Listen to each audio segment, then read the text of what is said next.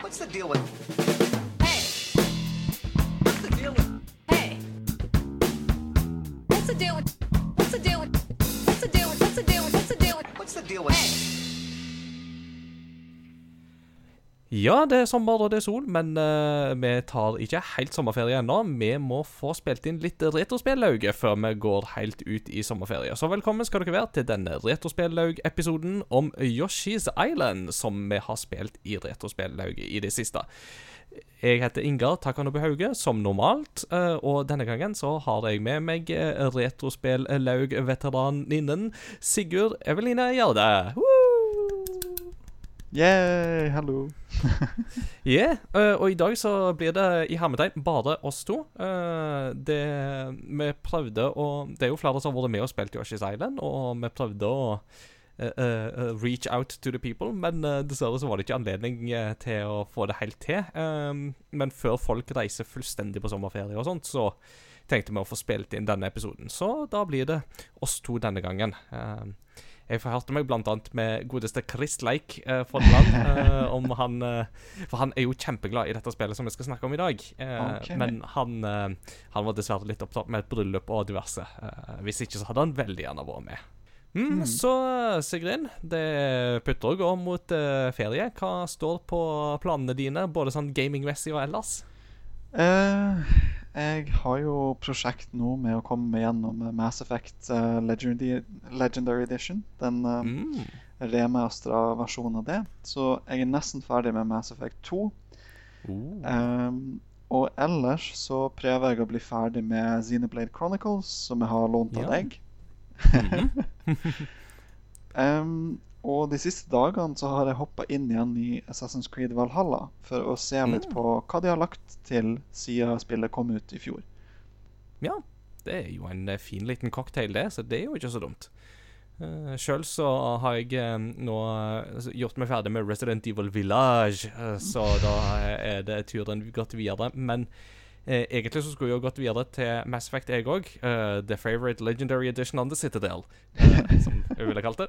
Uh, men eh, så slo det meg jo at uh, JRPG-klassikeren The World Ends With You får jo en oppfølger i sommer, så nå sitter jeg og spiller originalen på Switch for å For å, ka- få varme litt opp, da. Så får vi se.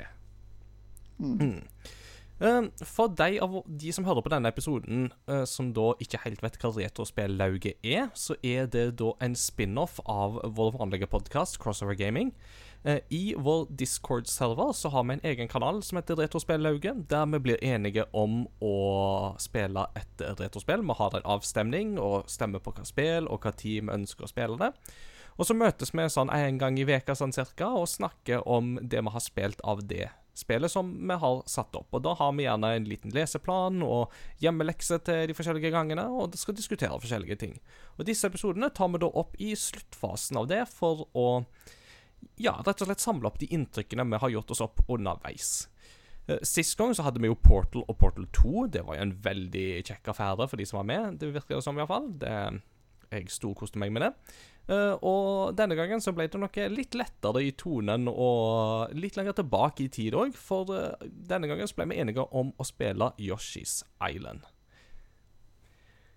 Så ehm, jeg tenker jo at det vi skal Vi må jo ta litt introduksjon om, episo eh, om episoden, sier jeg, om spillet som vi skal snakke om. Ehm, så Yoshi's Island sin fulle tittel er jo da Super Mario World 2 Yoshi's Island. Så det er da en oppfølger til Super Mario World som kom på Super Nintendo. Eh, Det er ikke alle som er klar over det, men det, det står faktisk i tittelen. Spillet ble lansert i Japan 5.8.1995 og kom så tidlig som 6.10.1995 til Europa på Super Nintendo. Og så er det relansert til Gameboy Advance i etterkant, i 2002. Senere så har da spillet også blitt inkludert på ting som f.eks. SNES Mini og SNES Online-biblioteket, som man kan ha på Switch hvis man har online-abonnement. Eh, spillet ble utvikla av Nintendo EAD, eh, som der du finner ledende utviklere som Takashi Tezuka, som jo har vært en sentral mann i Nintendo-utvikling eh, i senere år òg. Du finner òg Toshihiko Nagako, Nakago, Shigefumi Hino og Hideki, Hideki Kono. På produsentsida finner vi Shigeru Miyamoto, the man himself, mens Koji Kondo står da som komponist for dette spillet. Eh, De som fyrer opp eh, Yoshi's Island i dag, de vil jo fort se at spillet har en ganske sånn cartoony, uh, crayon-grafisk stil. At det virker på en måte som at alt er tegna og er en del av en barnebok. Eh, Og dette var et veldig bevisst stilvalg fra Miyamoto og kompani. eh, Som ville skape et spill i litt sånn direkte kontrast til mer sånn realistiske pre-rendra bakgrunner som du finner i spill som Donkey Kong Country, som jo var veldig populære på Super Nintendo på omtrent samme tidspunkt. Og Spillet tok faktisk fire år for Nintendo å utvikle, så det hadde en ganske lang utviklingstid til å være i denne tidsepoken av spillhistorien.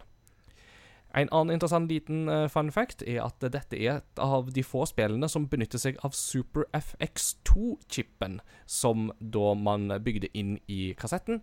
Uh, og denne chipen ble jo da brukt for å skape en slags 3D-simulerende effekt, uh, noe som jo da i praksis var en sånn 4-3D-effekt, fordi Super Nintendo i seg sjøl ikke kraftig nok til å rendre faktisk 3D, men FX-chipen var med på å skape en illusjon av 3D. Det spillet som jo å bruke den vanlige FX-chipen, som er kanskje, man kanskje er mest kjent for det, var jo Star Fox eh, på Super Nintendo.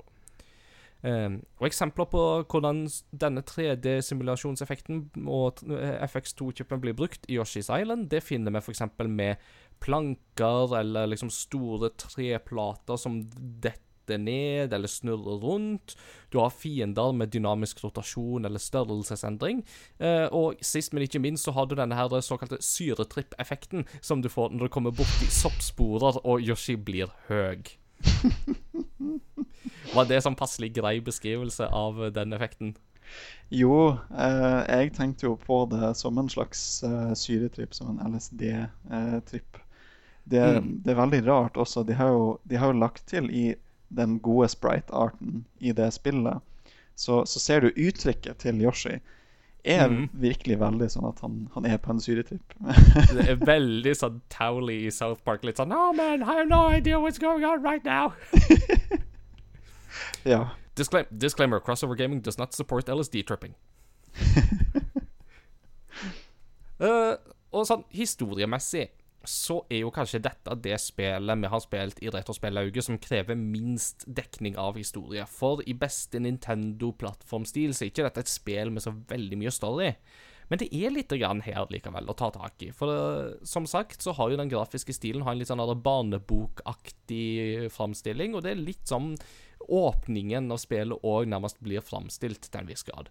Eh, det interessante her er at vi følger en stork som flyr av gårde gjennom lufta eh, med to tvillingbabyer eh, oppi, som da etter hvert viser seg å være baby Mario og baby Luigi. Så da vet vi det, at Mario og Luigi de har faktisk en mamma og en pappa, og de- kommer med storken, så da vet vi det. Men før de kommer så langt, så kommer plutselig Magic Cooper Kamek flygende inn og skal kidnappe disse babyene. Uh, og resulterer i at uh, Kamek klarer å få tak i Luigi, mens uh, den andre babyen, altså Mario, detter ned gjennom skyene og detter oppå en Yoshi. Som da lever i fred og fordragelighet med de andre Yoshier på Yoshi's Island. Eh, og da finner Yoshiene ut. De har et uh, rådsmøte. Jeg vet ikke helt hva man kaller det når det er mange dinoer samla om. Det er dinorådsmøte eller et dinoting, eller hva man skal kalle det. Men de finner iallfall ut at de skal de må, de må få denne babyen tilbake til sin mamma og pappa. Så da bestemmer Yoshiene seg for å samarbeide og eh, forsere disse her eh, slottene og fortene som befinner seg på øya deres, der Kamek eh, og Kameks tropper har en finger med i spillet. Og det er egentlig det som historien i Yoshi's Island handler om. Det handler om å få baby Mario tilbake til mammaen og pappaen sin. Ja, eh, det er jo ikke noe mer, mer enn det. Um, og generelt i Mario-spillene så er det jo sjelden at det er spesielt mye story i det. Um, men um, en, en ting man har, er jo at man har ulike bosser og, og på en måte minibosser gjennom, uh, gjennom banene og verdenene. Mhm. Og de, de er på en måte en forstørra versjon av uh, de skapningene du møter ellers i, Mm. i Yoshi's Island-spillet. Mm. Um, men de har ikke noe mer personlighet utenom det, da. Nei, det, Um, det stemmer, det. Så det blir for det meste Kamek. Uh, men sånn som vi har vært inne på, det er mye Nintendo gjør her med gameplay, som gjør at man ikke trenger så mye story. Mm. Nei, ikke sant. Og det er liksom Gameplay is king eh, i eh, dette spillet her. Og, og det gjør jo òg at spillet er veldig universelt og lett å plukke opp. ikke sant? Altså det, Du kan plukke det opp uten å skjønne bæret av historien. Det, det er egentlig ikke så farlig. Du skjønner liksom at eh, den der magiske skilpadden som har på seg eh, trollmannshatt og flyr på et kosteskaft og veiver med tryllestaven sin, den, den er slem. Det, det, det skjønner du egentlig ganske fort. Eh, eller du skjønner i alle fall at eh, den ikke er på lag med deg. Um, En ting som jeg har stussa litt på For jeg har jo spilt dette spillet på japansk, det skal vi komme litt tilbake til. Men eh, jeg har liksom aldri helt klart å stadfeste Er Kamek en heks, eller er det en trollmann? Altså, er Kamek en han eller en hun? Jeg, jeg tror aldri det ble gjort liksom tydelig, egentlig. Nei. Har egentlig Cooper Troopers kjønn? Det er jo nesten et annet diskusjonsmoment vi kunne tatt. Det, det er fascinerende, men vi vet jo at Toads har det. Har de ikke det? Toadette? Liksom. Ja, men, men så har de på en måte liksom prøvd å liksom avfeie det med at det egentlig så er ikke har de egentlig ikke kjønn heller, så det er sånn der i. Eh, Og Yoshi i seg sjøl er jo et mysterium, for Yoshi høres jo holdt jeg på å si, i hermetegn maskulin ut, men legger egg. Ja. Så det, her, her er det, holdt jeg på å si Du kan veldig fort skrive en masteravhandling om holdt jeg på å si, Nintendo og kjønn. Det, det, kan man, det kan man godt. Det kan jeg si. Mm. Så her er det mye å ta tak i, folkens. Men uh, la oss uh, um, for enkelhets skyld bare stadfeste at uh, Kamek uh, er enten en heks eller en trollmann, og, og, så, og så tar vi det deretter. um, men, men som du påpekte, ikke sant, altså det um, Altså, allerede med um, dette med at fiender, altså bosser og sånt i disse her slottene og sånt, er jo bare holdt på å si fiender du møter ellers, som Kamek tar og bare for, kaster magi på, og så blir de enda større. Den effekten vi ser der, det er jo Super FX2-chipen i praksis. Altså dette, En av de tingene som jo den chipen gjør, er jo nettopp det å skape dynamiske størrelser på disse fiendene.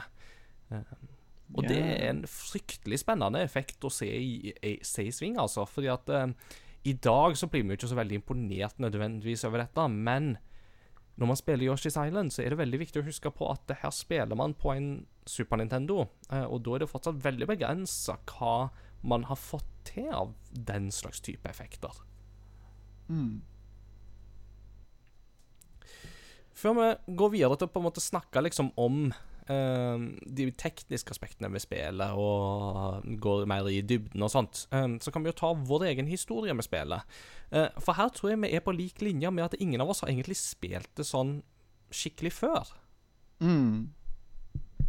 Det har jeg ikke. Um, jeg hadde jo ikke Super Nintendo hjemme. Den første konsollen min var Nintendo, Nintendo 64. Mm. Um, jeg har bare spilt det litt på Game Boy Advance, um, på den versjonen som kom der, da, og um, eh, lånt hos en, hos en kompis. Mm. Men det ble litt sånn for vanskelig og plagsomt med, med Baby Mario til at jeg orka å, å komme meg gjennom det.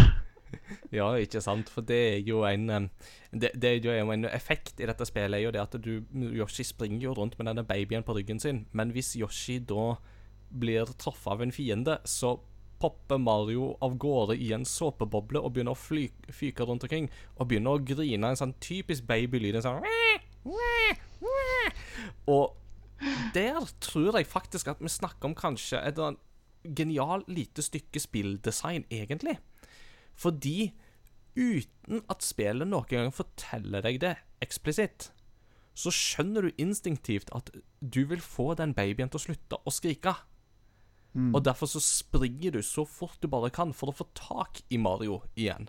Sånn at han slutter å skrike. For du vil ikke høre på den skrikelyden.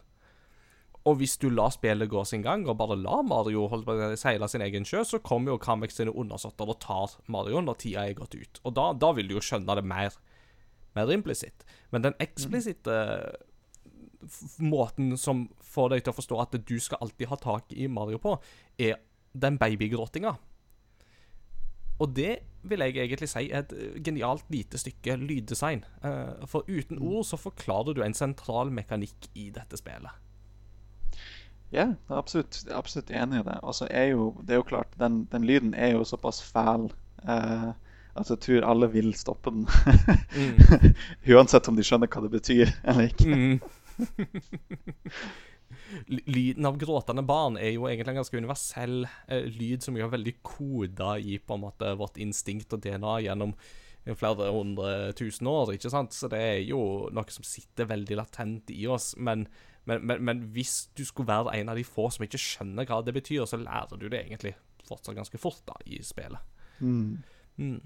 Selv så, mm, selv så har jeg heller ikke spilt Yoshi's Island i sin helhet før. Jeg har prøvd liksom litt sånn første verden og sånt litt tidligere, men jeg har aldri på en måte satt meg helt ned med det. Jeg hadde jo Gameboy Advance sjøl, så det hadde vært en veldig naturlig plattform for meg å spille det på. Jeg storkoste meg jo med Super Mario World på Gameboy Advance, for eksempel. Eh, mens, men, men det ble liksom bare aldri noe av. Det var vel andre spill som var prioritert, og uh, det var jo før jeg fikk mer en egen økonomi og sånn, så det er klart jeg hadde jo ikke råd til alle spill. Uh, og, da, og da ble det sånn. Så dette er første gang jeg har sittet i min helhet med, med dette spillet. Mm. Og det, og det bringer meg jo da over til spørsmålet om at for oss som da ikke har spilt dette spillet før, hvordan føles det, Sigrun, å plukke opp Yoshi's Island i 2021 for din del? Um, å plukke det opp igjen i 2021 At jeg har prøvd det litt før da, og syntes at det har vært frustrerende eller ikke helt klart å komme inn i det, det har vært en fryd. Det det, Ja. har vært, eh, det har vært veldig fint. Eh, for jeg har jo spilt det gjennom Switch Online, og Ja. de nye funksjonene som man har i Switch Online, har vært helt uh, fantastiske uh, for Mm. meg. Um, jeg er jo ikke den typen som liker sånne, sånne prøve og feile-spill. Um, der du må ta banen om igjen eller gå tilbake igjen til en checkpoint veldig langt tilbake igjen hvis du gjør en feil. Mm. Um, Med mindre det heter Hades. med mindre det heter Hades. Ja. Men, eh, men unntaket der med Hades er jo fordi at selv om du taper, så får du noe ut av det. Mm. Riktig. Um, men her på Switch Online uh, så har man jo fått denne rewind-funksjonen. Mm. Som gjør at eh, når som helst i, i løpet av spillet så kan du bare trykke på to knapper, ZR og ZL, tror jeg det er. Um, og så kan du spole tilbake igjen um, til der du gjorde en feil. Og så kan du prøve på nytt igjen med en gang. Mm. Eh, og det har vært en veldig handy funksjon. Det, hver gang du, du feiler et hopp, du bare trykker et millisekund for sent, uh, eller du mister Baby Mario, uh, du bommer med et eggkast osv., så, videre, så kan du bare prøve, prøve igjen med en gang. Mm. Det er en game changer med den rewind-funksjonen, altså. Og nå var jo Switch, eller SNES Online, var jo en av de første, altså, og for så vidt òg SNES Mini trodde jeg òg har, den funksjonen. Og så vet jeg at uh, Sega Classic Collection, som en òg får på Switch og PS4 og sånt, har òg den funksjonen. Så jeg er litt usikker på hvem som på en måte implementerte den aller, aller først. Men den er en game changer for det å gå tilbake til gamle spill i, eh, på 2020-tallet, altså. Det, det er helt klart at for folk som har på en måte mista en del av den tålmodigheten, eh, eller tidligere hadde bare lagt fra seg disse spillene fordi de ble for frustrerende med all den prøvinga og feilinga, så er det definitivt et viktig verktøy for å for, for, å kunne gjøre det. Så det, det, den, den tror jeg på en måte Nintendo bør selge seg enda mer på, altså. Og håper jo at de kan pøse ut enda mer innhold i Snes Online-biblioteket. Der Mm. denne funksjonen får komme til sin rett, da, sånn at enda flere folk kan få oppleve det fantastiske Snes-biblioteket. Ja, altså, jeg tenker jo òg bare på alle de spillene som ble laga til Arkadehaller. eh, der poenget var at du, du skulle tape og måtte bruke mer penger. Mm. Eh, Den opprinnelige mikrotransaksjonen. Ja.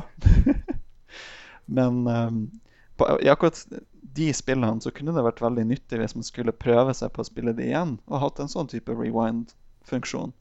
Mm.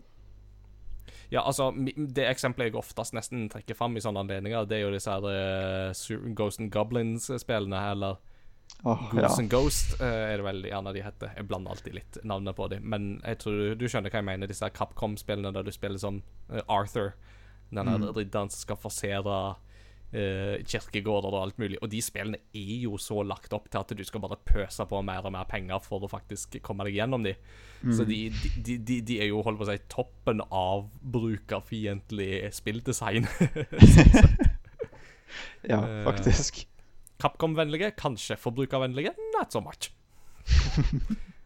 Uh, Sjøl så har jeg jo da gått mer old school til verks eh, for eh, å spille dette her. Um, jeg har da ikke hatt en rewind-funksjon tilgjengelig, for jeg har da spilt dette på min japanske Super Nintendo, eller min Super Famicom. Fordi jeg har en ganske brukbar Super Famicom-samling etter hvert, med en 40 pluss eh, titler i boks og hele pakka. Litt fordi at jeg, jeg syns det er en, en kjempestilig ting å samle, for det er så mye fin boksdesign på den, på den tida der, særlig blant japanske spill. Eh, så alltid når jeg er i Japan, så sørger jeg for å plukke med meg noen nye eh, spill til Super Famicom-samlinger. Så Yoshi's Island er jo da et av de spillene som jeg plukka opp ved en sånn anledning, da inkludert en guidebok. Og det som er ekstra interessant, er jo når du da ser på coveret til Yoshi's Island på Super Famicom, så ser du at eh, Yoshi er stava litt annerledes. For der er det stava Y-O-S-S-I. Så det er Yossi. Jo, så det er Yos, Yossi Island. Jeg skal se om jeg ikke bare kan finne det nå for å faktisk bekrefte uh, at Skal vi se Å, det graves. Å, det graves. Ja da, så det er ikke Yoshi's Island, men det er Yossi Island uten uh, genitives S-en til og med. Uh, så det er en, en, en fascinerende skrivefeil der som har på en måte gått litt uh, Som Nintendo har gått litt vekk ifra i etterkant, for å si det sånn. Det er Får du kjøpt Yoshi-produkter i Japan i dag, og det er skrevet med latinske bokstaver, så står det Y-O-S-H-I. Sånn som det gjør ellers. Ja. Men uh, i hvert fall, jeg spilte jo da dette spillet på uh, en uh, Super Famicom med original software og original hardware på, en, på den kasse-TV-en som jeg er så heldig å ha skaffa meg i stua. Så på en god gammel Sony Trini, Trinitron så har jeg da kost meg med dette her litt sånn skikkelig med sånn old school hardware. Og, og det har vært òg et veldig gøyalt kapittel, altså, fordi at um, takket være Mats Jakob, så har jeg fått kjøpt en sånn veldig god kabel eh, Super, som jeg kan bruke i både Super Famicom og GameCube. Og den skaper et så crispy, clean bilde at det er helt fenomenalt, altså. Det er det er så gullende rent å se på. Og med et sånt spill som dette, som jo er veldig vakkert i utgangspunktet, med sin grafiske stil, så, så ble det sånn Jeg bare satt og bare sånn Wow, dette ser så bra ut. Og virkelig viser for meg hvordan denne epoken av spill har holdt seg i ettertid så mye mer enn den generasjonen som kom etter. Da de begynte mer med 3D-spill og polygoner og sånt. For det er jo Går du tilbake og spiller originale Final Fantasy 7 eller eh, eh, Pokémon Snap for den saks skyld på Nintendo 64 i dag, så merker du at de, det er veldig kantete, ikke sant, og bildehastigheten er ganske låg, mens på Super Nintendo så er det bare sånn crispy, clean uh, smoothness uh, nesten hele veien, altså. Ja, det, det er sant. Og så siden du nevnte det med kabler um, Jeg begynte jo også å dykke inn i retroverden uh, mm. for et par år siden. Så jeg har også en sånn lignende kabel som funker til Super Nintendo og GameCube. Og det jeg mener å huske, var at eh, alle Super Nintendo-konsollene, eh, iallfall de som kom ut til Europa, de hadde støtte for RGB, eh, som er på en måte den beste eh, videooverføringa som man, man fikk til de, de gamle kasse-TV-ene. Mm. Eh, mens Nintendo 64 i Europa hadde ikke det. Nei, det er Så- riktig. Eh, Den hadde vel bare AV, tror jeg. Eh, Den, den har den, Nintendo 64 i Europa har AV, og så har den også S-video. Men det ble nesten ikke brukt i, i uh, Norge, i alle fall. Mm, riktig, riktig. Så hvis man vil ha på en måte den ekstra gode Nintendo 64-kvaliteten, så må man ha en RGB-modda Nintendo 64-konsoll, eh, rett Mm. og slett. Eh, og, det, og det går an å få tak i, da, men eh, det, det, det er jo folk som gjør dette. Men eh, det, krever liksom en ekstra innsats, da, som gjør at Nintendo 64-spill kommer litt dårligere ut av det enn det uh, Super Nintendo og GameCube-spill gjør, der man har RGB-muligheter. Mm. Så for oss begge så har jo dette da altså vært første gang, og det å fyre det opp i 2021 har ikke gitt oss varige men, sånn sett, eh, i utgangspunktet. Så nå er vi liksom kommet til den der inntrykksbiten, og da er det egentlig bare på en måte å skyte fra hofta alle inntrykk vi sitter med, av både positiv og negativ art, og snakke om hva er det som har holdt seg, hva er det som kanskje ikke har holdt seg så godt, hva oppleves som bra den dag i dag, og hva oppleves som mindre, mindre bra. Um, en av grunnene til at jeg jo hadde håpa på å få med um, enten Eirik um, eller uh, Christian uh, med i denne podkasten og snakka litt, er at uh, det er jo to stykker som jeg vet har spilt det spillet før og er glad i det. Uh, men Eirik poengterte jo det at det å fyre opp igjen Yoshi's Island etter at han er blitt småbarnsfar, det var en helt annen opplevelse. For nå var han plutselig sånn Nå, nå skal spille for å komme vekk ifra sånne lyder som det. Ja, ikke sant? Mm. Så, så, så jeg, jeg- tror at det på sett og vis akkurat det, det Altså, hva inntrykk man får av Yoshi's Island, da, det tror jeg kommer veldig an på hva slags familiesituasjon du rett og slett er i. Eh, Det er et, det er et familiespill som samtidig òg er familiebetinga. Altså at det betinger av din familiære status. Det Så- er det nok absolutt. Mm. Uh, og det, det er jo sånn som, sånn som vi har nevnt tidligere òg, om det er mange uh, som spilte Yoshi's Island som barn, som mista lysten på barn etter å ha spilt det. jeg har jo spøkt litt om dette her med at kan Yoshi's Island ha fungert som et slags preventivt middel for framtidige fremtidige foreldre. Så, eh, ja, når skal dere ha barn, da? Jeg spilte Yoshi's Island som barn. Jeg vet at jeg ikke vil ha barn. Ah, Det, det kan hende. eh, Hvis noen det er, en, det er en annen mastergrad som folk kan få lov å skrive, Synes jeg. Yes. Yeah. Masse ideer. Mm. Så vi har fått uh, iallfall stadfesta at uh, barnegråten til Mario den, er- den, den fungerer veldig bra, og den uh, låter helt forferdelig. Og det er både en positiv og en negativ ting, litt avhengig av hvordan man ser på det.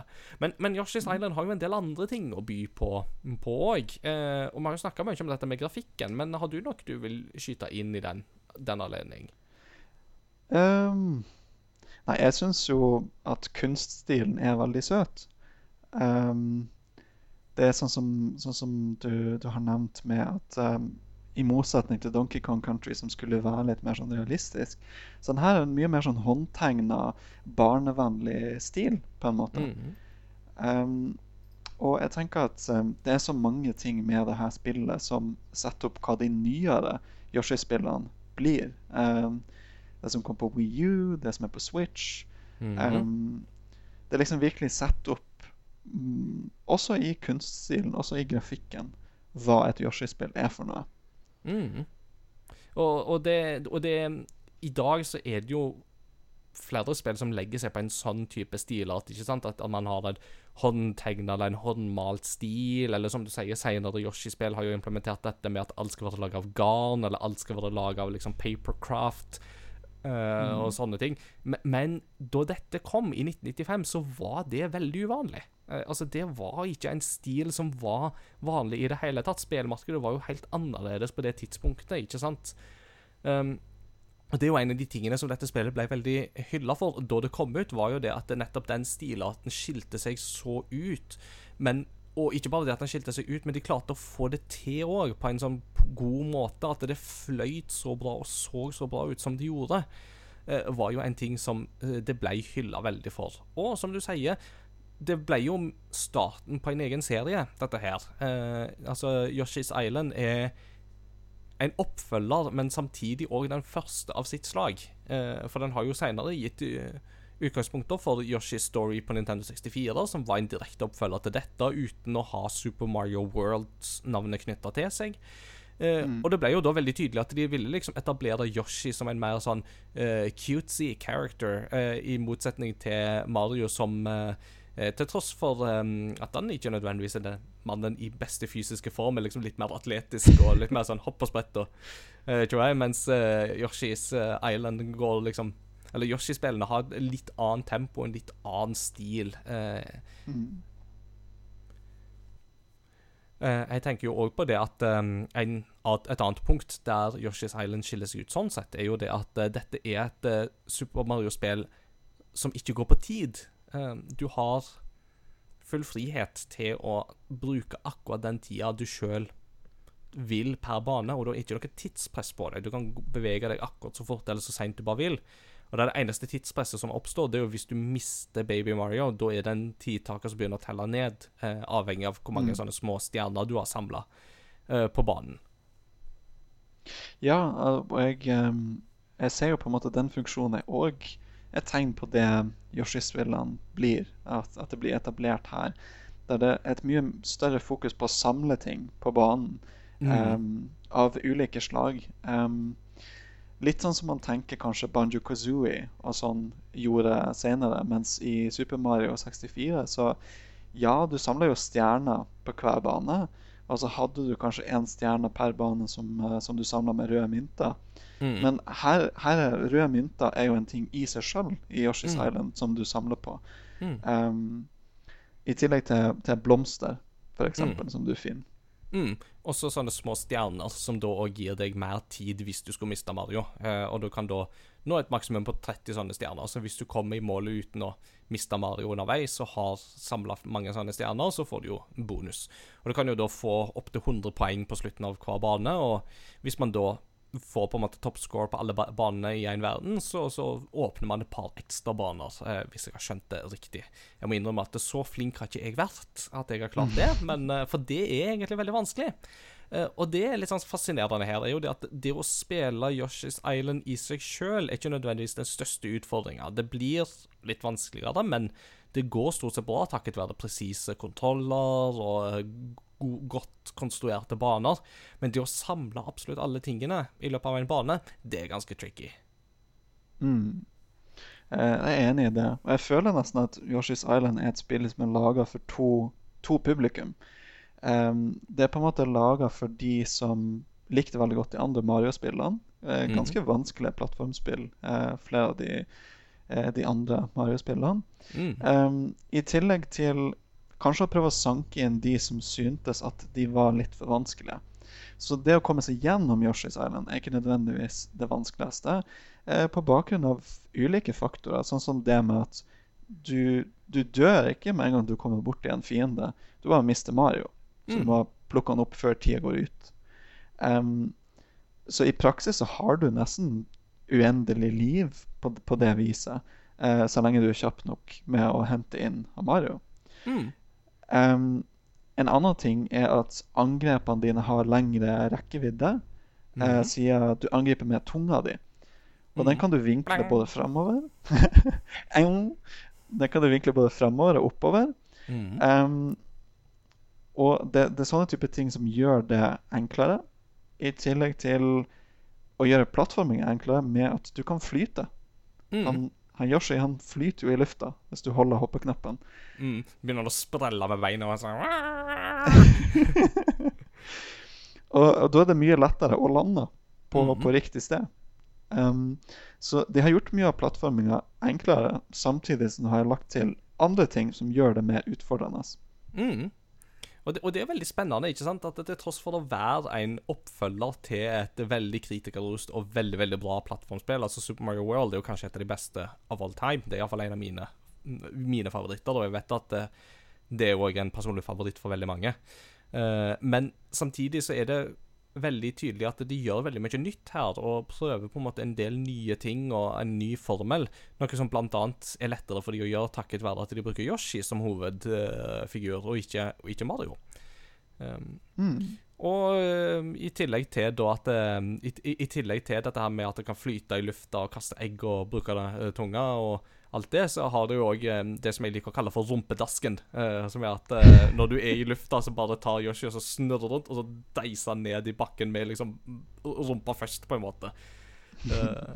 Eh, jeg, vet ikke om du nevnte det i stad, men jeg så jo at du har notert deg i notatene at dette er jo basically movesettet til Yoshi i Smash. Yeah, eh, jeg glemte å si det. Men eh, for de, som ikke har spilt Yoshi's Island, men som har spilt noen av Smash-spillene, du kommer til å kjenne igjen eh, ikke bare movesene, men også animasjonene. Mm. Kommer direkte fra det her spillet. Ja da, så dette, dette legger jo grunnlaget for Yoshi sånn som jeg kjenner han veldig som character ifra f.eks. da Super Smash Bros. Um, og veldig, veldig interessant uh, sånn sett. Um, en ting som jeg jo syns er litt interessant òg i Yoshi's Island, er jo at jeg har jo prøvd å spille dette på japansk. Um, og det har stort sett gått greit. Det meste av uh, Altså alt i spillet står på enten hiragana eller katakana, som er disse grunn, grunnalfabetene, så det er forholdsvis lette ting å lese, men det kan av og til gå litt fort for en som ikke er så trent i å lese masse japansk. Um, men, men det er et par sånne lokaliseringsendringer som jeg jo da syns er veldig veldig artige. Uh, og favoritten min må jo være ifra den her boss, mellombossfighten i tredje verden.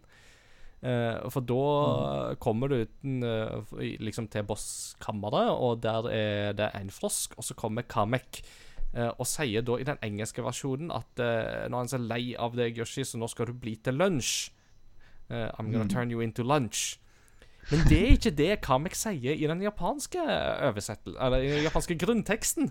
Uh, så for, for, um, i, i, den japanske grunnteksten så har uh, nemlig Kamek uh, uttale om at uh, Når han er så lei av Yoshi at han sier 'Nå skal du bli til bæsj'. Og så blir denne frosken da veldig stor, og så blir du spist av den frosken, og så er du i magen til den frosken, og så må du liksom punche eh, holdt jeg på å si, nærmest drøvelen til den stakkars frosken til den spytter deg ut igjen. Uh, brutale greier, dette her, rett og slett. Uh, men, men, men, det er klart, det gir jo mening, ikke sant? At det er sånn, er du først i fordøyelsessystemet til en frosk, så vil du før eller siden bli til bæsj. Uh, og, jeg, og, jeg, bare synes det er så fascinerende at her har du da et spill som handler om babyer og alle sånne ting. ikke sant? Og jammen så klarer Nintendo å snike inn litt bæsjehumor inn i dette her. her som da Nintendo of America tydeligvis uh, måtte helgardere seg mot. Så de ble, tok og oversatte det til at uh, du skal bli til lunsj. Ja, det, det, det er litt rart at, at i, i et spill for barn så var poo-poo for, mm. for, ekstremt å ha med. ja, ikke sant. Det er jo Hvilket jo bringer meg jo til et annet sånt filosofisk spørsmål som jeg har hatt i denne her uh, retrospillauget, og det er jo Du går jo tross alt med denne babyen rundt omkring hele tida. Når skifter de bleier på den babyen? og vår konklusjon var vel basically at idet du krysser mållinja til en bane, så tar jo Yoshi og basically holdt på å si, hiver Baby Mario opp i lufta, og så er det en ny Yoshi som tar den imot. Uh, og vår mm. konklusjon var vel basically at uh, bleieskiftet må foregå liksom i den luftprosessen der. At uh, mest sannsynligvis er den nye Yoshien klar med en ny bleie på sin rygg, og så holder holdt på å si, Om den bleia forsvinner på magisk vis, eller om den legger seg lag på lag det, altså, Min teori her er jo det at Baby Mario må være naken idet han fyker opp i lufta. Det er bare at, det er veldig, at du kan ikke se dem. og så hopper han rett og slett fra bleie til bleie. Ja. Uh, det er jo en mulig, mulig forklaring. Mm. It's a game theory. It's a game theory, indeed. det, det, er jo veldig få spill som kartlegger dette her fenomenet med når går folk på do. Altså No More Heroes er en av de få spilleserier som faktisk gjør det, for der lagrer du jo ved å sette deg på toalettet. Så um, det er et sånn lite kartlagt fenomen i spillenes verden, rett og slett. Men, ja, men, altså... men, uh, men Yoshi's Island burde jo da være et spill der man utforsker den type tematikk. Det, det, burde man jo. Og jeg tenker jo, vi har jo en uh, Twitter med 'Can you pet the dog'? Mm. Så det må jo være en Twitter med 'Can you use the toilet'? det fins altså, jo en Twitter for alt, eh, har jeg inntrykk av, uten å sjøl være på Twitter. Så det, da tenker jeg at eh, hvis ikke, så må det jo definitivt lages en sånn konto. Uh, can, can you use the restroom? Yes, sir. Ja. Mm. Eh, jeg, jeg, tenkte også på en annen ting som jeg syntes var kult. var Akkurat det med at Yoshi bruker tunga, og at du kan skyte den både fram og oppover. Mm. Um, det gjorde at jeg tenkte litt på Castlevania-spillene. Ja. Um, for det er jo noe med den, den rekkevidden og måten du kan slåss på, som gjør det ganske annerledes enn Mario-spill ellers. Mm. For du, du har liksom en e- effektiv rekkevidde som er mye større enn det Mario har i omtrent alle spillene Mm. Mario har. Og du blir, jo ganske, Um, ja, du blir jo ganske dreven på å bruke den tunga oppover òg når Mario fyker der oppe i lufta, ikke sant? Og det blir sånn plutselig bare sånn Og så burde, sluker du Mario og får den på ryggen igjen. Så da føler du det er nesten Yoshi is the, the true ninja. Ja. Ja, um, Sjøl så syns jeg òg at det er en del sånne gøyale småelementer som blir på en måte slengt inn her, som òg jo kommer med i de senere Yoshi-spillene. Én ting er jo f.eks. hunden Puchi, som jo er med. Eller Pochi, som han jo da heter på japansk. Det er jo den gladeste hunden i manns minne, for at den har jo bare et veldig stort fjes, og så har veldig stor tunge som stikker u- ut av munnen, Uh, og, og basically smiler hele tida. Jeg var egentlig overrasket over hvor lite Poochie var med i dette spillet. For Poochie dukker jo ikke opp så altfor ofte, men har jo fått en desto større rolle i senere Yoshi-spill, så da særlig Woolly World og Crafted World. Ja, altså jeg er enig i det. Jeg, jeg syns jeg bare kan huske to eller tre tilfeller der, Mm. der Poochie dukker opp i løpet av spillet. Og jeg lurer på om det kan være liksom sånn at um, fans av spillet likte veldig godt den karakteren, Mm. og så hadde de noe å spille videre på i de neste Mm. spillene. Mm. Uh, navnet i seg sjøl, altså Pochi på japansk, er jo egentlig bare sånn Det er jo bare sånn kjælenavn du kan ha på en tilfeldig hund. Uh, på Nesten som Vofsen. Ah, Så det er jo en sånn Ja, Pochi. Eller liksom Tassen eller Vofsen eller liksom eh, i, i, mm, og Kontekstuelt sett i alle fall så ville det blitt på en måte de nærmeste oversettelsene. Mm. Et annet element som jo òg dukker opp her, som òg har blitt brukt mye i senere Yoshi-spill, er jo dette her med at Yoshi kan forvandle seg til forskjellige ting eh, på enkelte baner. Eh, jeg mener å huske at han kan forvandle seg til et helikopter, han kan forvandle seg til en bil, han kan forvandle seg til en muldvarp, eh, og han kan òg få ski på beina. eh, som eh, enten gjør han til en slalåmkjører, eh, eller faktisk gjør han til en kjelke. Eh, jeg likte best tanken på at han var en kjelke. Eh, jeg syns det var bare noe gøy med den tanken, men det ser egentlig ut som at han bare har ski på beina. da. Ja, eh, det ser egentlig bare ut som det. Men eh, han kan jo òg forvandle seg til ubåt. Ja, stemmer det. Han er jo das, das grüne ubåt.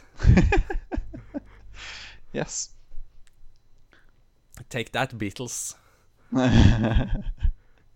Nei, men jeg, jeg syns jo det er gøy at han, han kan forvandle seg til de her ulike kjøretøyene.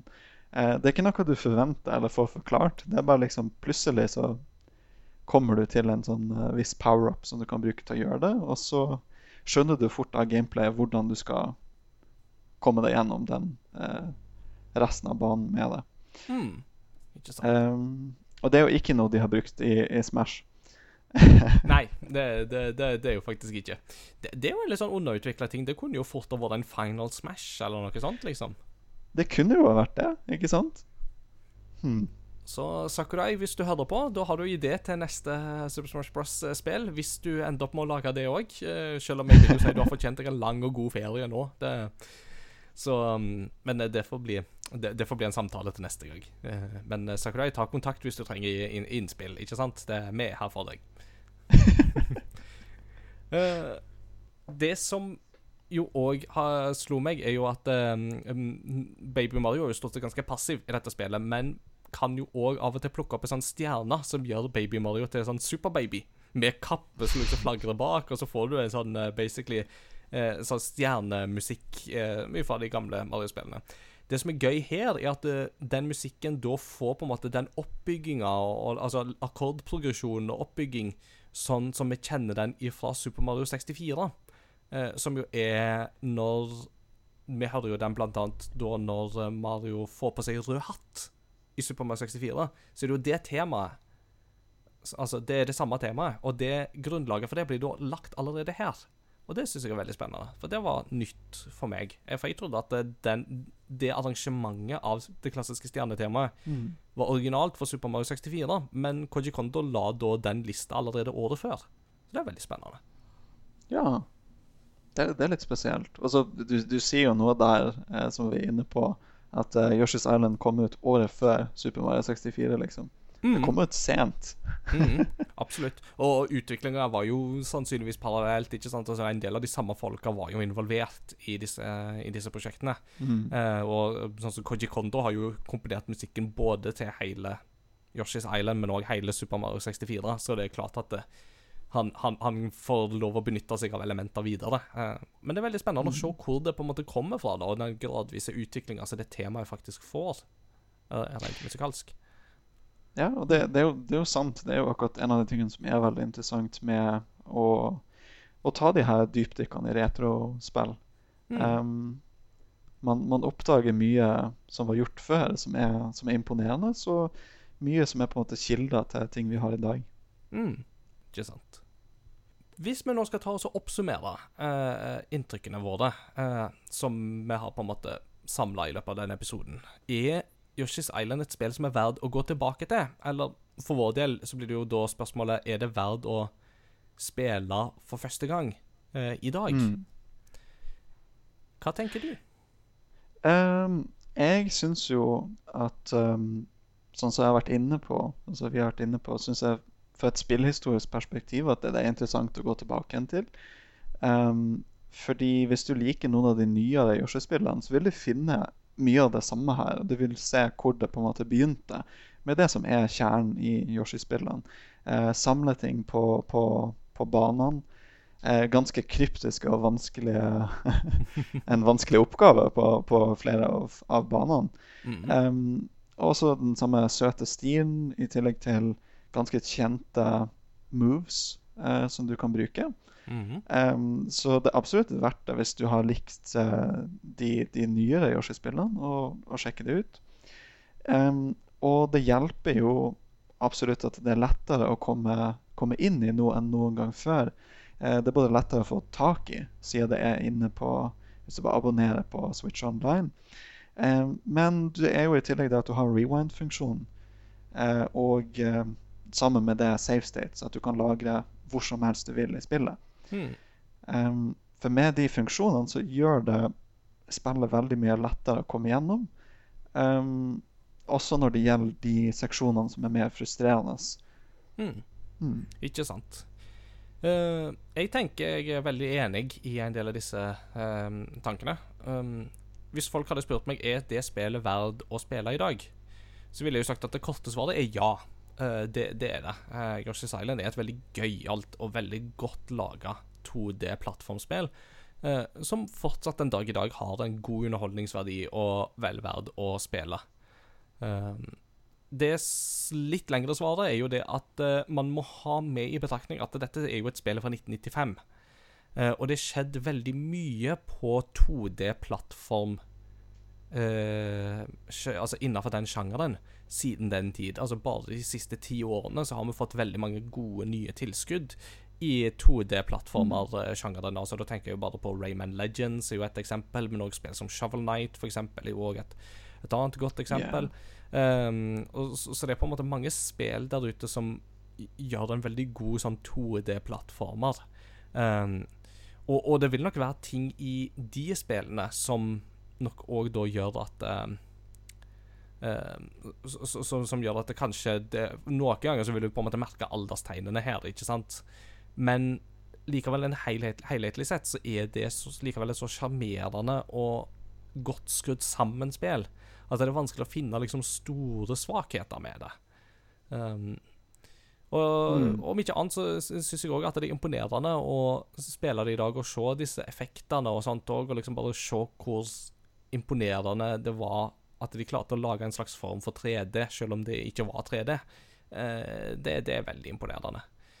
Um, Ja, eh, for det er noe som, som man kan undervurdere, men når du faktisk ser det, hvordan det fungerer i spillet, Mm. så er det jo veldig rart å tenke på at det her ikke faktisk er 3D. For det, Mm. det ser veldig ut som det. Mm.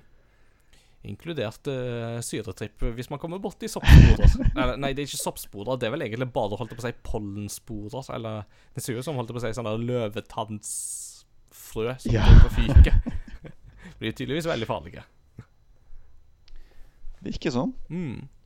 Så, så, så, så, men jeg syns at det med rewind-tipset uh, og den åpenbaringa der, så tror jeg vil være til nytte for veldig veldig mange. altså. Og det å spille det på Switch er nok kanskje helt klart det letteste for folk i dag eh, å spille det med. Mm. Eh, alternativt så har eh, Super Nintendo Mini en del av de samme funksjonene, eh, med både at du kan lagre hvor du vil, i alle fall, og kanskje òg spole tilbake hvis jeg husker rett. Men der kan det hende at jeg husker feil, altså. Eh, Men uansett, bare det å kunne lagre der du vil, er jo med på å gjøre det mye lettere med en gang. Så har du en Super Nintendo Mini som du ikke har brukt på en stund, og tenkt at eh, jeg har, er et par spill der jeg ikke har spilt, Yoshi's Island. Godt aktuelt spill. Yes. Mm. Da tenker jeg at eh, vi nærmer oss en avslutning. Nå tror jeg vi har sagt det som egentlig er å si om spillet, med mindre du kom på noen sånne der siste final eh, comments. Um, nei, eh, det jeg tenkte på, var vel for så vidt òg Jeg har følt meg mer modig uh, med retrospill uh, etter å oppdaga rewind-funksjonen. Der jeg tenker liksom sånn det, det kan hende det her er hovmod, men kanskje tør jeg en gang å spille Ninja Guiden hvis det er med rewind-funksjon. Ja, si det. Eh, nå vet jeg ikke om den rewind-funksjonen fins på Nes online-biblioteket, men det har iallfall save-funksjonalitet, så de gir deg i alle fall muligheten til å lagre mer underveis, da. Så give it a shot. Eh, det skal jo være et veldig veldig bra spill. Jeg har ikke spilt det i sin helhet, men det jeg har testa, er veldig veldig kult. Av Ninja Guide. Mm. Som eh, vanlig så må vi jo ha et postludium eh, på slutten. eh, og Yoshi's Island har jo en fryd av musikk å by på. Altså, du blir så glad av dette soundtracket at det er jo ikke måte på hva, man, hva man har. Um, Sigrun, har du et spesifikt tema fra spillet som du har lyst til å, å, å pitche inn som postludium?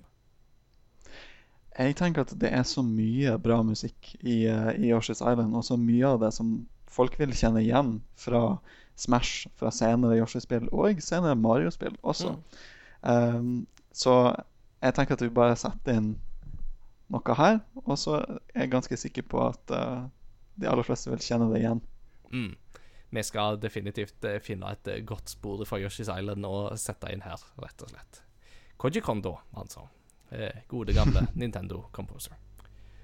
Sigrun, takk for at du var med i denne episoden. Takk for at eh, du har vært med i Retrospellauget og spilt Yoshi's Island og delt inntrykk om eh, mangt og mye. Det setter vi veldig pris på. Eh, nå må du ha en riktig god sommer dit du skal. Du må ta med deg switchen din og spille masse retrospill. Det syns jeg absolutt at du skal. Neste spill som uh, ut i um, retrospillauget, det er jo da Donkey Kong Country. Som vi jo har snakka litt om tidligere i episoden. Og da er planen at vi begynner med Donkey Kong Country 1, og så spiller vi oss oppover så langt som vi føler for. Um, så hvis du som hører på har lyst til å slenge deg med på det, ha det som et sommerprosjekt, så kommer vi til å møte oss på tirsdag, tirsdag kveld framover. Så det er bare å slenge deg med i Discord-serveren vår, og, og ja, bli med. Ta praten og kjenn deg akkurat så forplikta som du føler. Det, det, det er lov å ikke gjøre leksene fra gang til gang. Altså, du får fortsatt lov å være med. Og lenker til Discord-serverne våre og Facebooken og de andre sosiale mediene våre finner du på crossovergaming.no. Takk for nå. Vi snakkes ved neste korsvei. Ha det bra. Ha det bra.